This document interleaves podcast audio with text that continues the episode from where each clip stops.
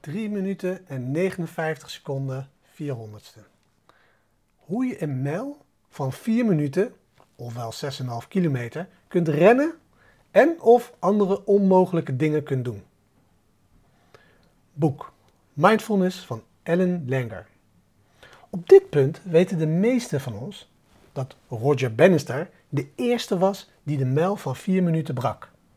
Zeer slimme mensen van zijn tijd zeiden dat het onmogelijk was. Punt. Einde verhaal. Hij wist het zelf natuurlijk niet zo zeker. Maar dit is wat geweldig aan dit verhaal is. Weet je hoe Roger heeft getraind om het onmogelijke te doen? Hint. Hij brak zijn doel op in hapklare stukjes. Hier is hoe. Ten eerste trainde hij totdat hij in 1 minuut een kwart mijl kon rennen. Goed gedaan. Daarna trainde hij totdat hij in 2 minuten een halve mijl kon rennen. Ook weer goed gedaan. Daarna trainde hij totdat hij in 3 minuten drie kwart mijl kon rennen. Top gedaan.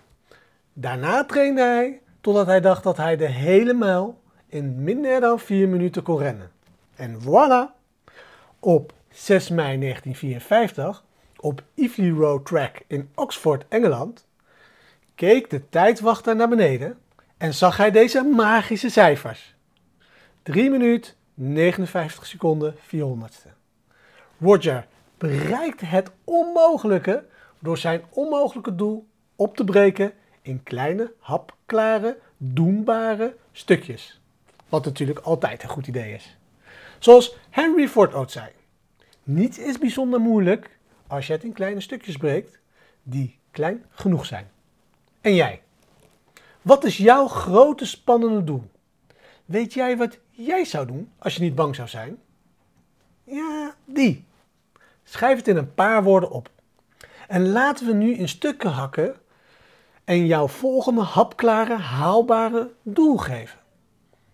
Wat is het volgende microdoel dat je moet bereiken op weg naar het grote doel?